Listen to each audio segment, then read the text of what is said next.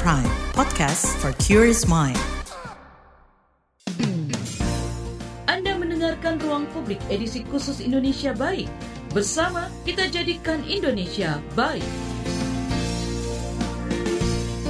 Halo, selamat pagi. Kita berjumpa kembali dalam Ruang Publik KBR edisi Indonesia Baik. Dan pagi hari ini kita mengangkat tema yaitu suara anak muda untuk perubahan biar didengar harus apa. Bersama saya Naomi Liandra.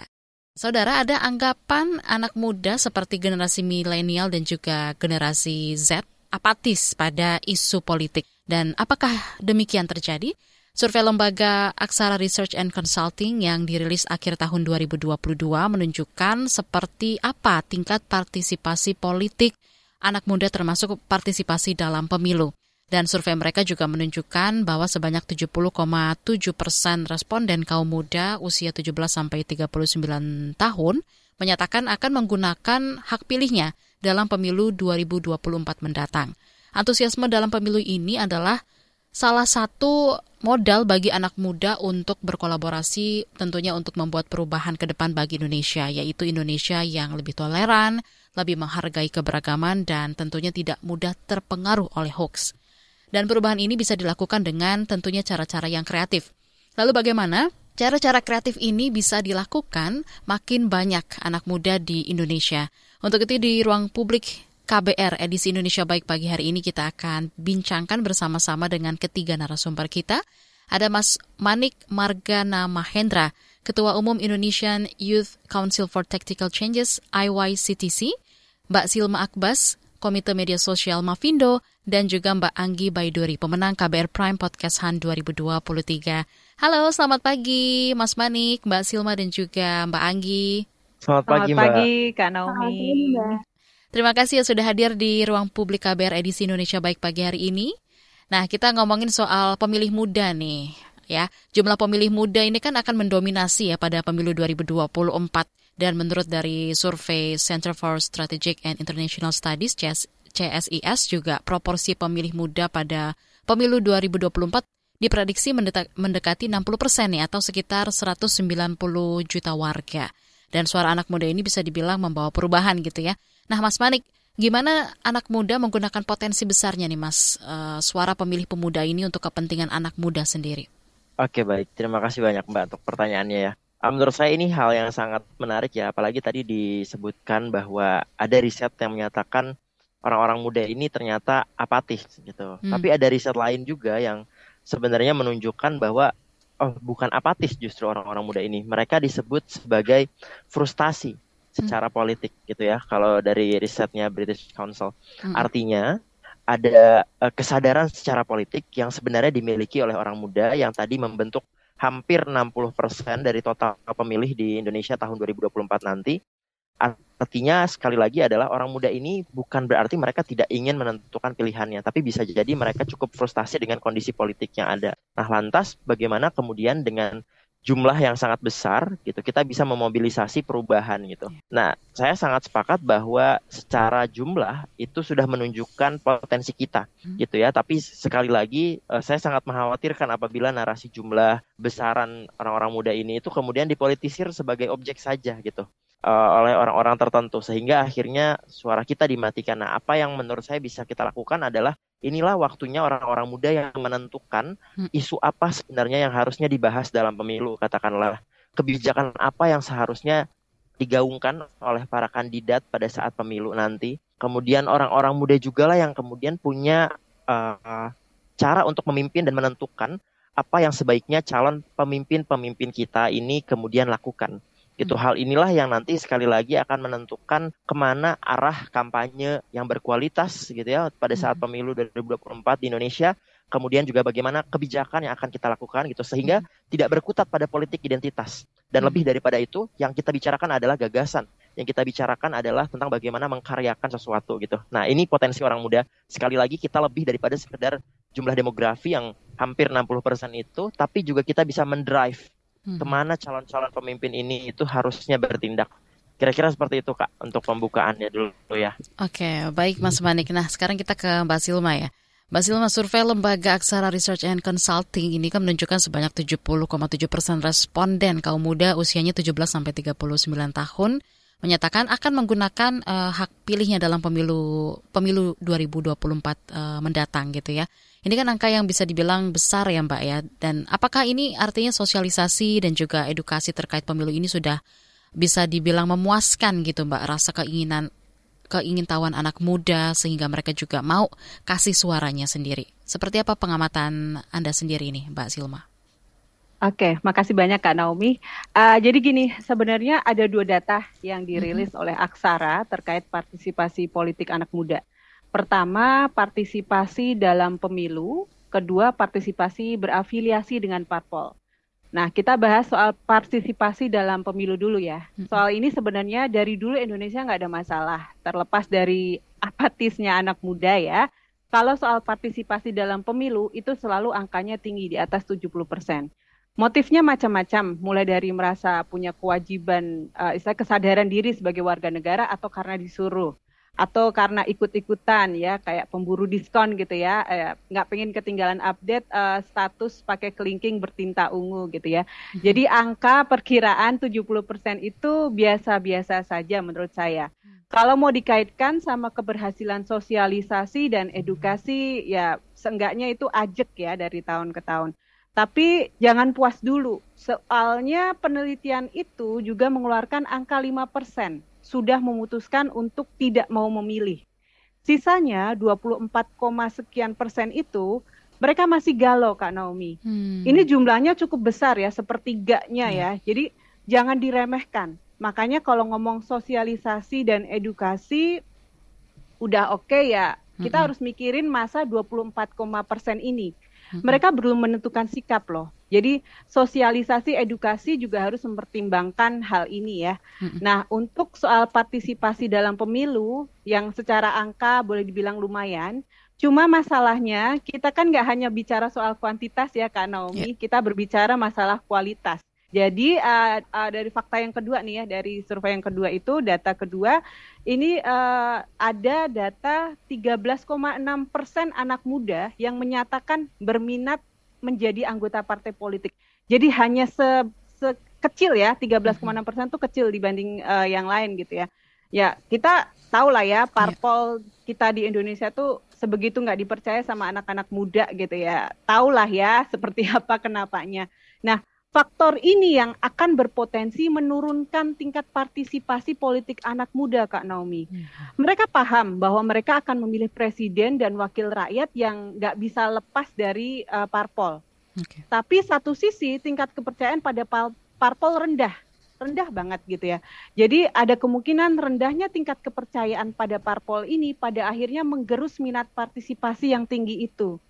Jadi hmm. kalau umpamanya saya simpulkan jangan buru-buru senang dengan angka 70% itu karena di balik angka itu ada data lain yang mencemaskan hmm. dan bisa menggerus atau mengurangi partisipasi yang sudah uh, tinggi tersebut. Gitu Kak Naomi. Baik, Mbak Silma. Nah, sekarang kita ke Kak Anggi ya. Kak Anggi, pemenang KBR Prime Podcast Han 2023. Ini sebagai informasi KBR Prime uh, Podcast Hunter ini adalah ajang pencarian podcaster muda yang tentunya peduli dengan lingkungan sekitar gitu ya, isu-isu sekitar kita seperti keberagaman, kemudian juga kemanusiaan dan juga sosial politik. Nah, uh, Mbak Anggi, boleh diceritakan apa sih podcast apa pos, uh, podcast yang uh, Mbak Anggi buat dengan tim gitu dan apa isu yang diangkat dan tujuannya seperti apa Mbak Anggi silakan. Uh, Oke, okay. makasih Kak. Jadi nama podcast kita itu namanya Bu Mantara Bercerita. Nah, podcast ini tuh mengenai podcast dongeng yang membahas mengenai isu-isu tentang kelestarian lingkungan.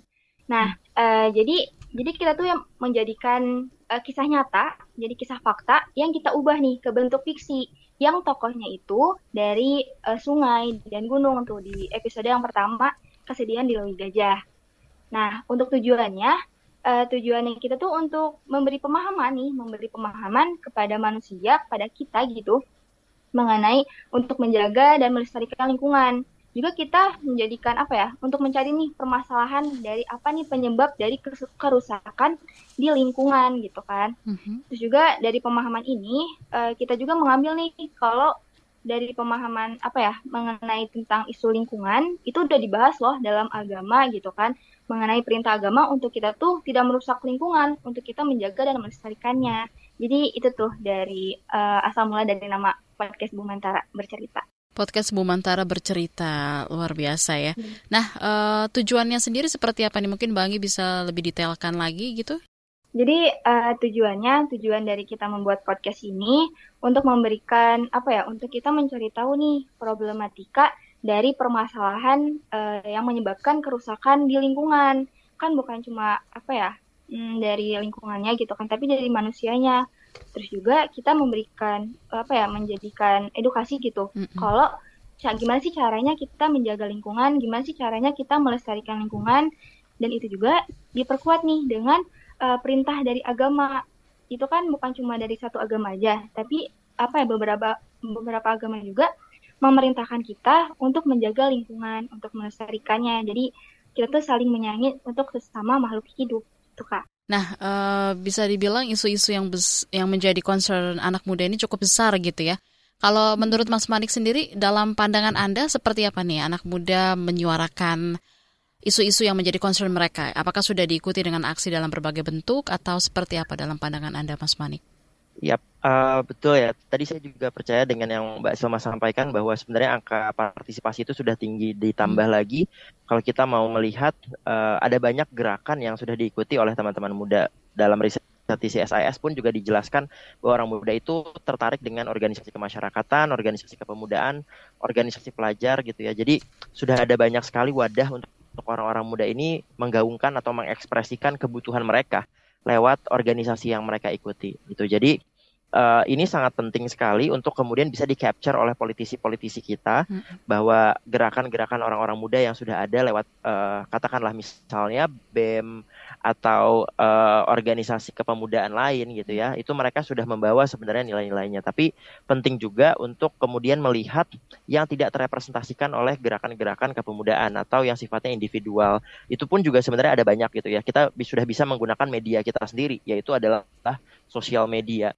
di hmm, sosial media hmm. itu banyak orang-orang muda juga yang sebenarnya mengaspirasikan pendapatnya gitu. Bahkan hmm. muncul uh, apa namanya gerakan-gerakan sosial uh, media gitu ya yang ada dan teman-teman bisa melihat ya termasuk di antaranya adalah IYCTC juga atau beberapa misalnya yang cukup naik itu WhatsApp Indonesia gitu itu mereka menggambarkan sebenarnya apa sih pandangan mereka terhadap suatu isu gitu nah itu harus dilihat sebagai suatu hal yang uh, komprehensif artinya orang muda ini punya uh, cara untuk mengekspresikan diri tapi tambahannya adalah bagaimana cara politisi ini kemudian mengcapture ekspresi-ekspresi mereka, kebutuhan-kebutuhan dan kepentingan mereka, misalnya untuk dijadikan sebagai kebijakan, dijadikan sebagai program gitu. Jadi sekali hmm. lagi tidak hanya dijadikan sebagai satu hal yang sifatnya uh, gimmick gitu ya atau hmm. uh, simbolisasi saja, tapi ya bisa direpresentasikan sebagai sebuah program yang akhirnya uh, menjawab kebutuhan orang-orang muda itu sendiri, Kak.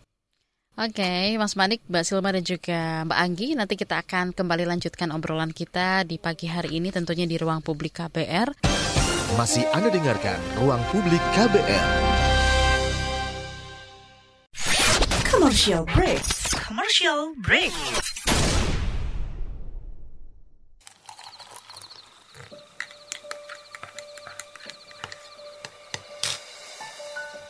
Hai, kamu apa kabar? Masih suka menikmati senja dan kopi? Aku masih ingat kebiasaan kita. Sehabis pulang kerja, selalu mencari tempat untuk sekedar ngobrol dan ngopi. Tapi kadang kita kehabisan bahan obrolan.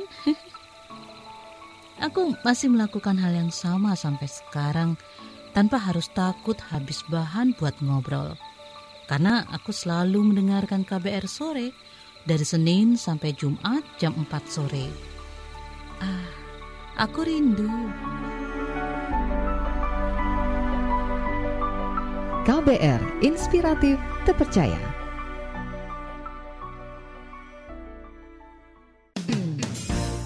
Anda mendengarkan Ruang Publik edisi khusus Indonesia Baik. Bersama kita jadikan Indonesia baik.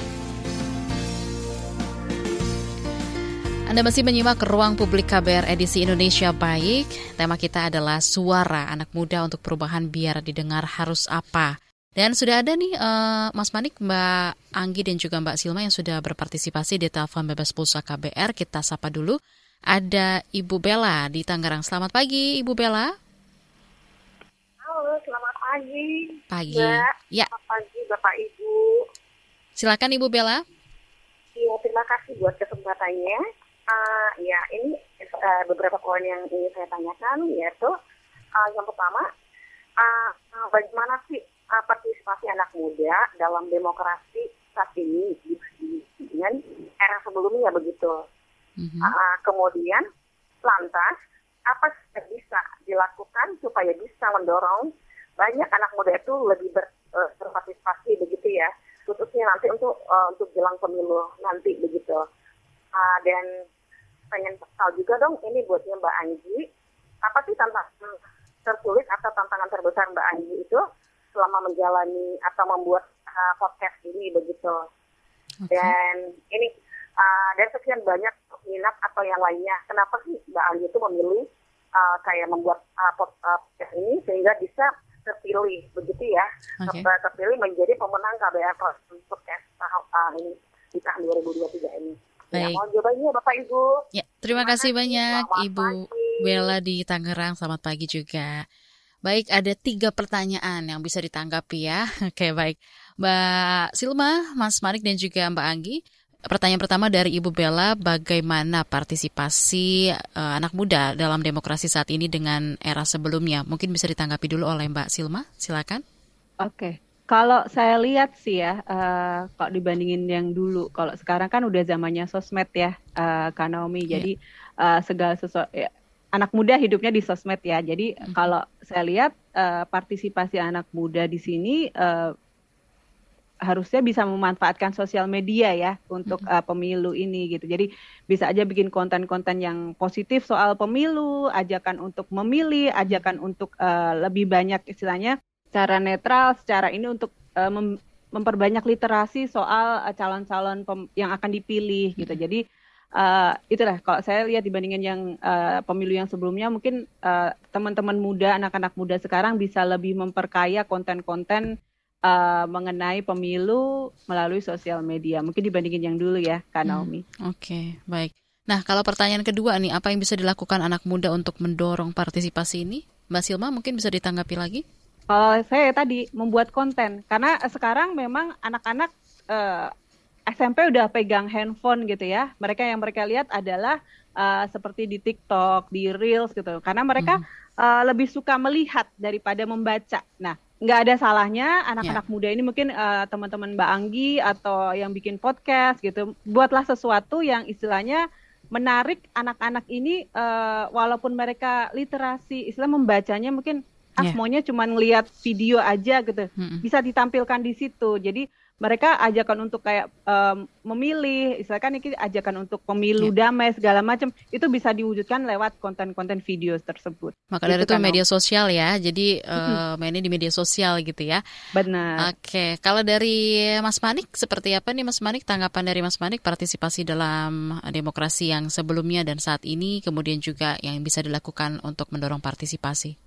Ya, uh, betul. Saya sepakat uh, banyak sekali media atau ruang yang sebenarnya sudah bisa digunakan oleh orang-orang muda ya saat ini, mm-hmm. lebih dari tahun-tahun sebelumnya. Artinya ini membuka peluang bagi orang muda itu banyak terpapar informasi terkait dengan uh, politik di Indonesia. Tapi di sisi lain ini juga perlu jadi perhatian agar konten di media sosial itu sekali lagi tidak hanya dijadikan sebagai sebuah objek saja gitu, objektivitas orang muda gitu. Hmm. Nah, ada yang menurut saya penting untuk kemudian kita sama-sama gaungkan yaitu menggunakan perspektif meaningful youth participation atau partisipasi kaum muda yang bermakna. Seperti apa partisipasi kaum muda yang bermakna? Partisipasi kaum muda yang bermakna adalah ketika kita meletakkan orang muda ini sebagai penginisiasi untuk menyusun katakanlah gitu ya atau menyampaikan kepentingan mereka yang hingga akhirnya di, bisa di capture sekali lagi oleh stakeholder jadi ke program, jadi kebijakan dan lain-lain gitu. Intinya adalah ini nyambung ke pertanyaan kedua, mm -hmm. apa yang kemudian bisa dilakukan oleh orang-orang muda ini sebenarnya uh, selain dari membuat konten itu sendiri adalah berserikat atau uh, berorganisasi gitu. Hmm. Kenapa? Karena sangat sulit untuk menyampaikan aspirasi yang sifatnya individual. Tapi ketika kita menyampaikan itu dengan jumlah yang besar, kita menyampaikan itu dengan uh, kolektif gitu ya, maka akan lebih baik untuk kemudian didengar oleh stakeholder. Nah, ini penting sehingga uh, tadi gitu ya kita merepresentasikan suatu uh, bisa kita bilang kelompok orang muda misalnya karena pasti ya bisa di, bisa di, bisa dilihat juga bahwa kepentingan orang-orang muda di daerah rural dengan urban itu jelas bisa berbeda. Nah, itu yang harus kita kemudian sampaikan gitu. Di luar dari gerakan-gerakan di sosial media yaitu juga berkolektif. Nah, kolektivitas ini kemudian bisa juga disampaikan melalui mm-hmm. audiensi-audiensi formal mm-hmm. atau pertemuan-pertemuan dengan stakeholder tertentu sehingga sampai gitu ya. Ada ada jembatan antara orang muda dengan para pemangku kepentingan gitu. Kira-kira seperti itu. Baik, Mas Manik dan juga Mbak Silma. Nah, sekarang pertanyaan untuk uh, Mbak Agi. Tantangan dalam membuat podcastnya seperti apa dan kenapa memilih podcast ini? Tadi dari pertanyaan Ibu Bella di Tangerang. Oke, makasih. Uh, jadi apa ya? Jadi kalau ini kan tentang tantangannya ya gitu. Kalau yeah. tantangan itu ketika kita mencari isu, nah isu ininya tuh mengenai yang harus kita pahami gitu kan, harus kita pahami, harus kita uh, apa ya? Jadi bisa dirasakan oleh di, diri saya sendiri gitu kan, oleh kita gitu kan. Jadi situ tuh kita merasakan uh, podcast yang emang benar-benar bermakna banget nih buat kita dan kita tuh merasakan nih di posisi itu bagaimana gitu. Jadi hmm. kita tuh uh, merasakan empati yang dirasakan bukan cuma oleh manusia aja, hmm. tapi juga merasakan oleh lingkungan sekitar gitu. Bagaimana kita bagaimana sih gitu. Kita merasakan yeah. di posisi sebagai gunung sampah gitu kan. Bagaimana sih ketika kita merasakan di posisi sungai yang tercemar nih gitu. Nah, itu tantangannya gitu. Terus kenapa sih ngambilnya podcast ini gitu kan? Uh, menyuarakannya lewat podcast gitu. Mm-hmm. uh, sama sih seperti kayak anak muda kan kita banyaknya menyuarakan apa ya berpikir untuk berkritik apa ya? Jadi mengungkapkan pendapatnya menyuarakan suara-suaranya gitu kan. Biasanya nih kalau mahasiswa kan uh, memiliki ideologinya dalam berpendapat mengkritisi suatu permasalahan gitu kan. Lalu dituangkanlah ke dalam uh, aksi gitu kan seperti demo. Nah sama seperti podcast gitu kan uh, kita menggunakan podcast uh, sebagai kita tuh apa yang menuangkan dari pemikiran-pemikiran kita, aspirasi-aspirasi kita hmm. mengenai uh, apa ya uh, keresahan kita terhadap suatu lingkungan gitu kan. Okay. Kayak di podcast uh, kita kan waktu itu apa ya membuat podcast episode kesedihan hmm. di Lewi Gajah. Nah ini tuh podcast yang kejadian di tahun 2005. Jadi ini adalah hmm. uh, alasan dibalik uh, apa ya munculnya Hari Peduli Sampah Nasional. Nah hmm. jadi ini tuh dari apa ya gunung sampah yang meledak tuh yang kita tuh lebih sering ngedengarnya tragedi Bandung Lautan Sampah. Nah dari situ tuh hmm. kita tuh e, menyuarakan agar supaya ini tuh nggak kejadian lagi loh. Ini udah parah gitu kan. Jadi buat nggak keulang lagi gitu. Baik, luar biasa gitu, sekali ya Mbak Anggi dengan podcastnya, pantas saja menang. Baik, nah kalau ke Mbak Silma nih, Mbak Silma tadi kan udah sempat bilang gitu ya melalui media sosial itu uh, bisa banget dilakukan oleh anak muda gitu kan karena mereka lebih tertarik dengan melihat video, terus juga tayangan yang ya buat mereka mau menonton gitu lah ya. Nah Mbak membuat konten digital media, uh, konten digital ini menjadi salah satu bentuk kampanye kan yang dekat dengan anak muda seperti yang tadi sudah Anda sampaikan. Tapi seperti apa Mbak Silma melihat tingkat literasi digital anak muda saat ini nih Mbak Silma? Oke, okay. kalau menurut saya tingkat literasi digital anak muda saat ini itu sangat bervariasi Kak Naomi. Jadi ada anak muda yang sangat pandai dalam memilah informasi dan memiliki mm -hmm. kemampuan kritis untuk memproses informasi yang mereka terima. Tapi ada juga yang enggak.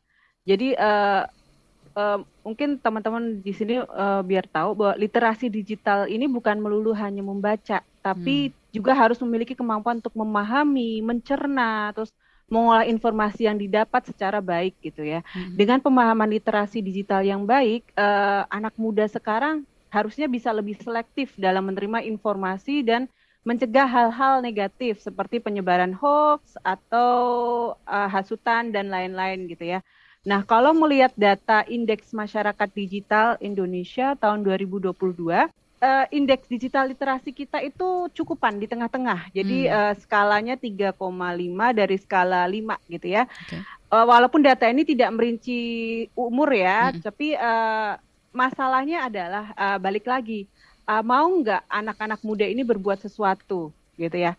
Uh, mungkin teman-teman tahu ya kadang di grup keluarga gitu ya ada yang nyebar hoax gitu tiba-tiba terus kita ngasih tahu e, Pak De ini adalah hoax Pak De gitu terus kita dimarahin hmm. anak kecil tahu apa dua dimarahin gitu terus akhirnya kan kita males gitu ah males ah yeah. ngasih tahu Pak D males gitu akhirnya cuek akhirnya ya itu hmm. mencuekkan jadi hanya ignoring sama fakta bahwa orang-orang tua tersebut ini adalah yang paling riskan kena hoax gitu.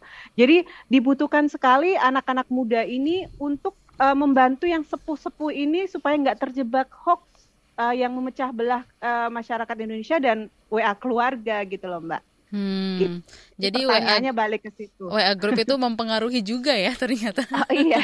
grup keluarga terutama. Oke, baik Benar. ini semakin seru juga obrolan kita di pagi hari ini tentunya di ruang publik KBR ada Mas Manik, kemudian juga ada Mbak Silma dan juga Mbak Anggi. Di topik kita pagi hari ini suara anak muda untuk perubahan biar didengar harus apa? Ruang publik KBR akan segera kembali. Masih Anda dengarkan Ruang Publik KBR. Yuk follow sosial media KBR. Twitter at Berita KBR, Instagram at KBR.id, Youtube Berita KBR. Anda mendengarkan Ruang Publik edisi khusus Indonesia Baik. Bersama kita jadikan Indonesia baik.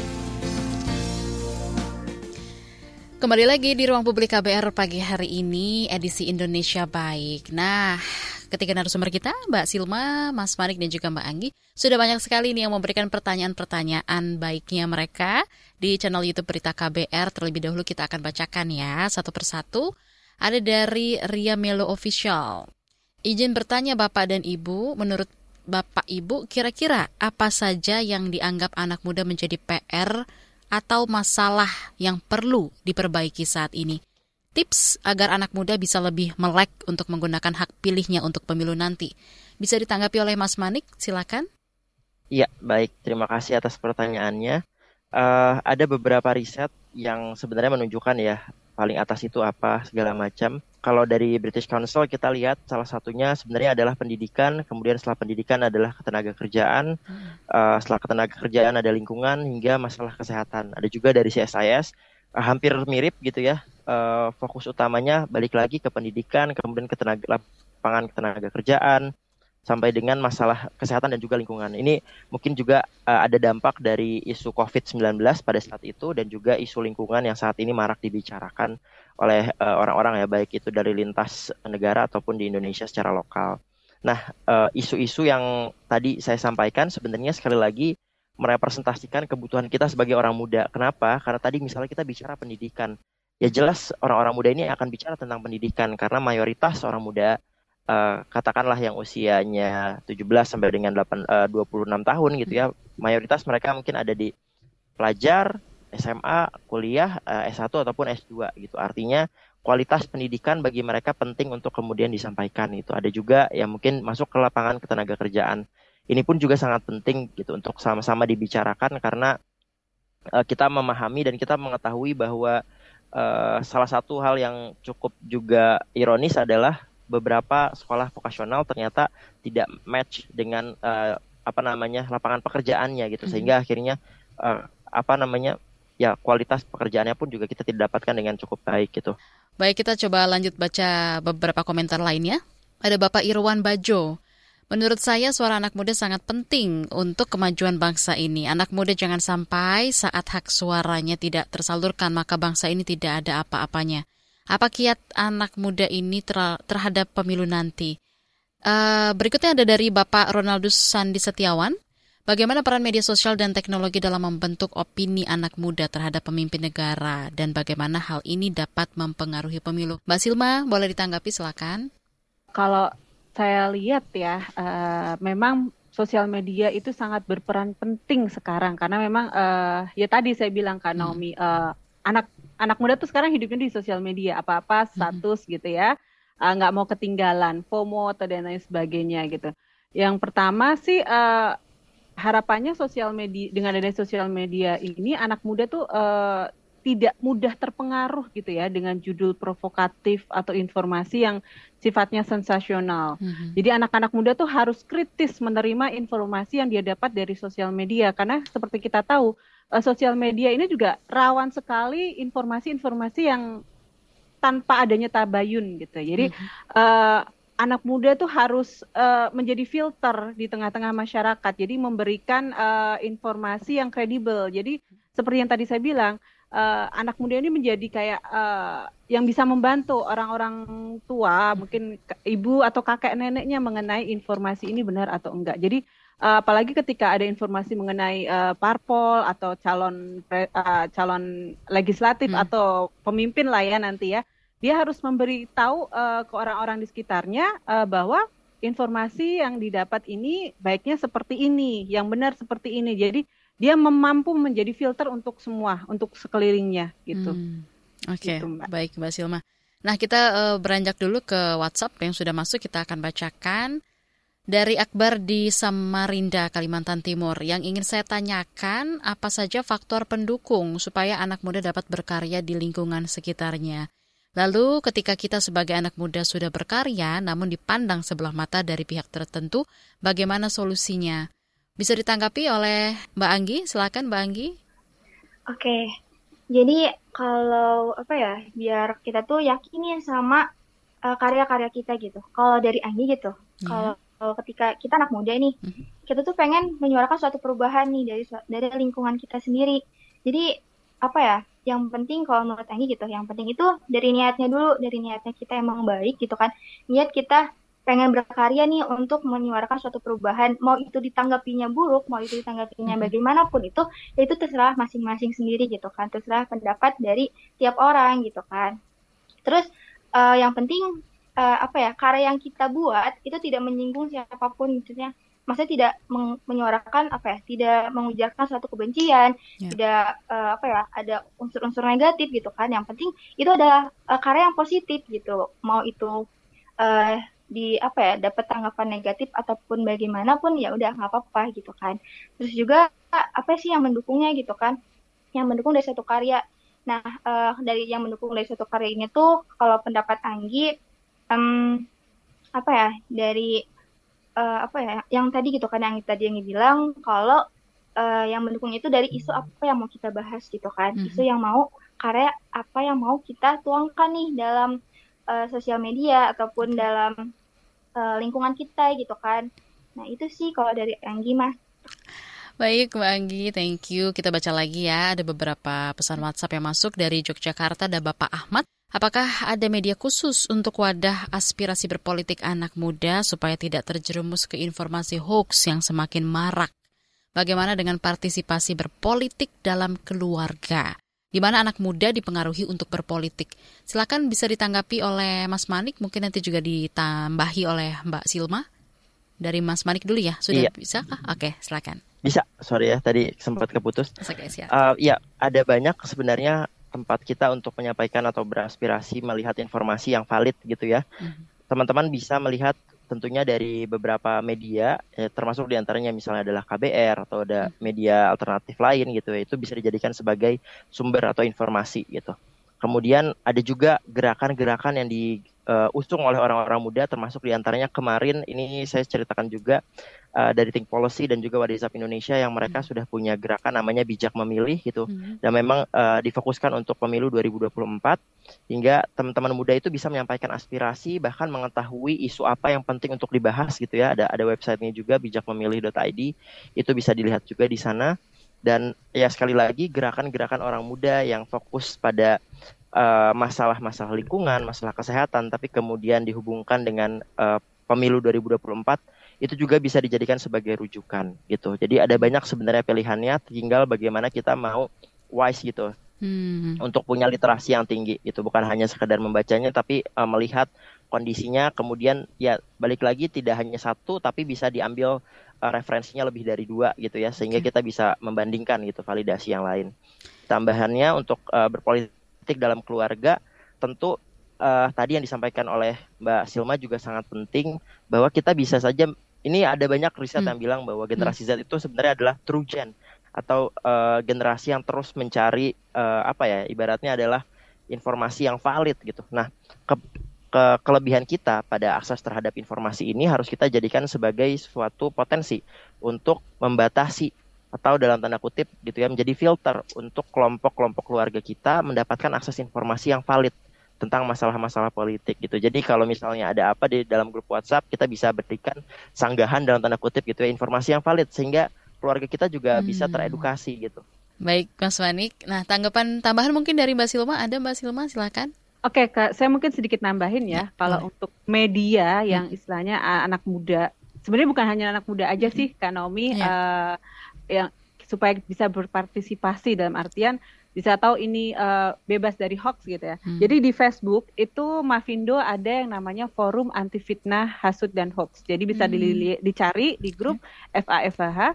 Di situ tuh uh, asal muasalnya Mavindo. Jadi di situ hmm. kami uh, sebenarnya bukan kami aja, semua orang bisa di situ ya. Okay. Uh, ada hoax. Jadi kita kayak bergotong royong untuk mendebang hoax. Jadi hmm. umpamanya nih ada ada satu hoax ada yang masuk ke situ ini bener nggak nah orang-orang di grup itu saling bergotong royong oh itu salah itu fotonya yang asli di sini jadi masing-masing hmm. akhirnya mengumpulkan bukti di komen gitu hmm. akhirnya terbentuklah itu oh ini hasil oh berarti ini aslinya ini hoax eh, faktanya ada di sini gitu nah dari situ dari FIVH yang di Facebook akhirnya masuklah kita ke uh, ada tuh websitenya turnbackhoax.id. Jadi dia itu base datanya debang yang sudah didebang mm -hmm. sama apa hoax yang sudah didebang sama uh, fact checkernya Mavindo. Jadi mm -hmm. mau cari hoax apa aja di situ ada. Jadi kalau umpamanya teman-teman di sini uh, uh, mendapatkan pagi-pagi dapat WA, yeah. waduh isu apa nih gitu. Cari aja di situ di apa websitenya, cari di kolom search bisa masukin di situ. Atau sekarang juga ada ada banyak sih sebenarnya kalau di mm -hmm. kita ada WhatsApp-nya, Kalimat Sada, ada nomornya, terus ada aplikasinya. Jadi ketika ada sesuatu yang meragukan, langsung cek aja. Kalau umpamanya istilah gini, hati kan nggak bisa bohong ya, kayaknya yeah. terlalu bombastis, terlalu sensasional, kayaknya nggak mungkin gitu ya, tuh mm. to be true. Langsung aja cek di berbagai media, mau website, mau Facebook atau apa, langsung cek kata kunci. Sekarang gampang banget, mau di Google pun juga bisa, tinggal masukin kata kunci langsung keluar. Gitu kan Naomi. Baik, terima kasih informasinya ini menarik banget bisa langsung dicek di website tadi Turnback apa? Uh, mungkin bisa di repeat sedikit Mbak Silma. Turnbackhoax.id. Turnbackhoax.id ya. Nah, bisa ngecek ya, di situ uh, tuh. Kasih tahu Pak D, Bude semuanya supaya bisa buka ke situ juga ya Mbak Silma ya. Iya, okay. betul. Mbak Mas Manik, Mbak Silma dan juga Mbak Anggi nanti kita lanjutkan kembali obrolan kita. Tetaplah bersama kami. Masih Anda dengarkan Ruang Publik KBR. Commercial break. Commercial break. Apa sih yang dimaksud BBM ramah lingkungan? BBM yang rendah emisi atau rendah menghasilkan gas buang dari kendaraan bermotornya. Kenapa kita harus gunain BBM ramah lingkungan deh? Sepakat untuk selalu menggunakan bahan bakar yang ramah lingkungan. Selain dampaknya terhadap lingkungan, satu lagi terhadap kesehatan kita sendiri. Masih banyak pertanyaan-pertanyaan lain terkait BBM ramah lingkungan. Temukan jawabannya di podcast BBM Bumi. Bareng-bareng menjaga bumi. Menghadirkan narasumber berkompeten yang akan memberikan informasi dan edukasi terkait BBM ramah lingkungan. Ingat BBM ramah lingkungan, ingat podcast BBM Bumi. Bareng-bareng menjaga bumi. Podcast BBM Bumi di mana tuh? Podcast BBM Bumi bisa disimak di kbrprime.id dan kanal YouTube Berita KBR serta di Spotify, Google Podcast atau di platform podcast lainnya. Podcast BBM Bumi, bareng-bareng menjaga bumi dipersembahkan oleh Yayasan Lembaga Konsumen Indonesia YLKI. Anda mendengarkan Ruang Publik edisi khusus Indonesia Baik. Bersama kita jadikan Indonesia baik. Kita tiba di bagian akhir ruang publik KBR edisi Indonesia Baik. Pagi hari ini suara anak muda untuk perubahan biar didengar harus apa. Terima kasih banyak untuk Anda pendengar yang sudah memberikan pertanyaan dan juga komentar-komentar di channel YouTube Berita KBR ataupun juga WhatsApp. Kita masih bersama dengan ketiga narasumber kita, ada Mas Manik, Mbak Silma dan juga Mbak Anggi. Kita lanjut ya, baca lagi pertanyaan-pertanyaan yang masuk. Dari channel YouTube ada Bapak Arif Anwar. Politik adalah kebijakan kesempatan untuk mengubah apa ajakan yang bisa kita sampaikan kepada anak-anak muda supaya kita punya peluang nih untuk menentukan pilihan dan mengubah Indonesia sebisa mungkin dengan momentum pemilu serentak di 2024. Ke Mbak Anggi dulu. Oke, mengenai pemilu ya Kak. Jadi kalau sebagai anak muda nih, kita juga kan uh, banyakannya gitu anak muda sekarang itu masih pemilih pemula. Jadi hmm. kita juga sebelum kita masuk nih karena itu kita harus mempelajari dulu nih bagaimana e, cara apa ya memilah memilih gitu kan memilih eh, isu-isu uh, apa ya mengenai apa ya, informasi-informasi mengenai caleg atau pemilihan lainnya gitu kan. Kali itu pasti nanti pas saatnya gitu pasti akan muncul banyak sekali informasi-informasi mau itu yang benar ataupun yang enggak kan. Mm-hmm. dan banyak banyak dan banyak juga gitu kan. Uh, apa ya jadi informasi itu bisa aja uh, mengisi isinya itu ujaran kebencian ataupun yang lainnya. Nah sebagai peran pemuda nih kita juga harus bisa nih menyaring uh, bisa mencari informasi yang benar tuh kayak gimana nih gitu kan. Dan itu juga kita disampaikannya juga bukan cuma untuk diri sendiri tapi untuk semuanya gitu kan. Untuk teman kita keluarga ataupun yang lainnya gitu kan. Uh, dan juga sebagai kita gitu untuk tidak mudah percaya nih sama eh, hal-hal uh, yang berbau apa ya uh, namanya apa ya kayak apa ya yang gampang hoax yang berbau-bau negatif gitu kan ya mm -hmm. hoax gitu kan nah mm -hmm. kita tuh jangan mudah percaya sama hoax gitu apalagi uh, apa ya sebagai pemuda gitu kan Baik. dan kita tuh paling tahu banget nih sama media sosial dan kita tahu nih uh, di mana sih kita ngecek uh, tentang hoax ini tuh di mana gitu kan. Nah, kita juga harus menyampaikan itu kepada pemuda yang lainnya dan bukan karena kita anak muda kebanyakannya ikut di organisasi berbagai organisasi. Nah, ini nih sebagai sarana kita untuk menyebarkan itu. Oke, baik Mbak Anggi. Mas Manik silakan. Iya. Uh, baik ya, masuk lagi tadi ke pesan untuk orang-orang muda.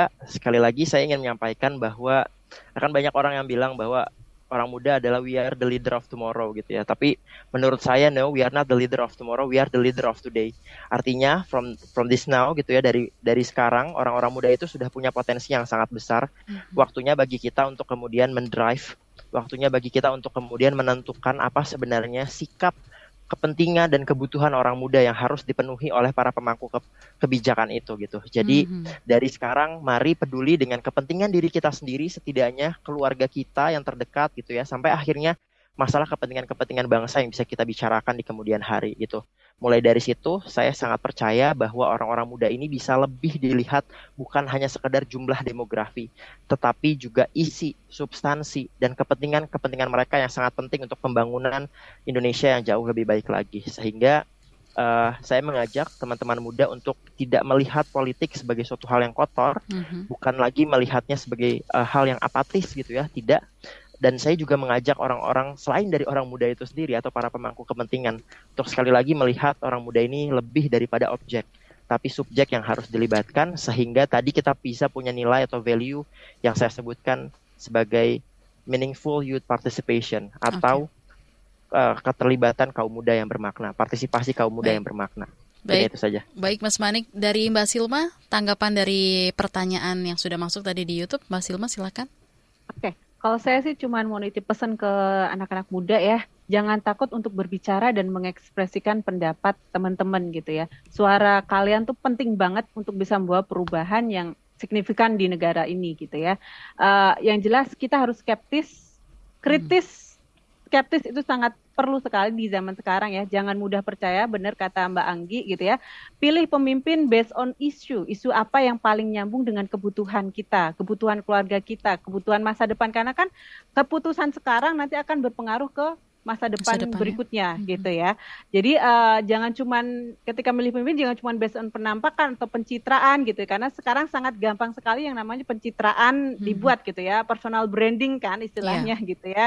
Jadi kita kritis tapi harus dibarengi dengan knowledge dan literasi. Banyak-banyak baca dari berbagai sisi, jangan cuma satu sisi aja.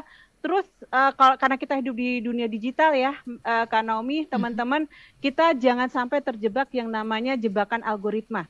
Jangan sampai kita uh, masuk ke echo chamber atau bubble filter, masuk ke bubble yang hanya mendukung opini kita saja. Kita main-mainlah ke chamber yang lain, ke uh, ke bubble-bubble yang lain supaya kita bisa berpikir secara jernih, tidak terbawa emosi. Uh, intinya jangan terjebak uh, post truth uh, kita harus membuka uh, belenggu algoritma kita supaya bisa lebih jernih dalam mengambil keputusan, bisa berpartisipasi di pemilu masa eh, ha, tahun depan ya tahun depan. Oke, kita aja. Baik, Mbak Silma, Mas Manik dan juga Mbak Anggi, terima kasih banyak untuk waktunya pagi hari ini dan mohon maaf untuk Anda pendengar yang komentarnya, pertanyaannya belum sempat dibacakan karena banyak sekali yang ikut berpartisipasi. Baik, terakhir untuk uh, Mas Manik, Mbak Silma dan juga Mbak Anggi, yang mau disampaikan untuk kita semua yang sudah mendengarkan siaran ruang publik KBR edisi Indonesia baik pagi hari ini masing-masing 30 detik silakan. Ya, silakan dari Mas Manik dulu boleh silakan. Ya, oke baik sekali lagi saya ingin mengingatkan saja kita sebagai orang muda punya banyak sekali potensi ya. We are not the leader of tomorrow, we are the leader of today. Mulai dari hari ini, mari kita tentukan pilihan kita karena pilihan kita juga yang akan menentukan kehidupan kita di masa yang akan datang. Itu saja. Baik dari Mbak Anggi. Oke, dari Anggi hmm, untuk sebagai anak muda nih kita yuk banyak-banyak berkarya, banyak-banyak memberikan suara karena kita tuh adalah apa ya masa depan apa ya peran kita tuh sangat ber, apa ya, sangat penting banget nih buat masa depan gitu kan. Oke baik Mbak Silma bisa ditutup oleh Mbak Silma silakan Mbak Silma silakan. Oke uh, sedikit sih intinya mau mengingatkan teman-teman bahwa perubahan itu tidak terjadi dalam satu malam ya butuh waktu usaha dan dedikasi yang tinggi untuk membuat perubahan yang berarti. Jadi uh, sebagai anak muda tetap semangat jangan menyerah bersama-sama kita bisa membuat per perbedaan kita aja. Baik, sekali lagi terima kasih banyak untuk ketiga narasumber kita ada Mas Manik Margana Mahendra, Ketua Umum Indonesian Youth Council for Tactical Changes, IYCTC, dan juga terima kasih untuk Mbak Silma Akbas, Komite Media Sosial Mavindo, dan juga Mbak Anggi Baiduri, pemenang KBR Prime Podcast Han 2023. Terima kasih juga untuk Anda yang sudah berpartisipasi pendengar mendengarkan siaran Ruang Publik KBR pada pagi hari ini. Akhirnya saya Naomi Liandra pamit, sampai jumpa. Baru saja Anda dengarkan Ruang Publik KBR. KBR Prime, cara asik mendengar berita. KBR Prime, podcast for curious mind.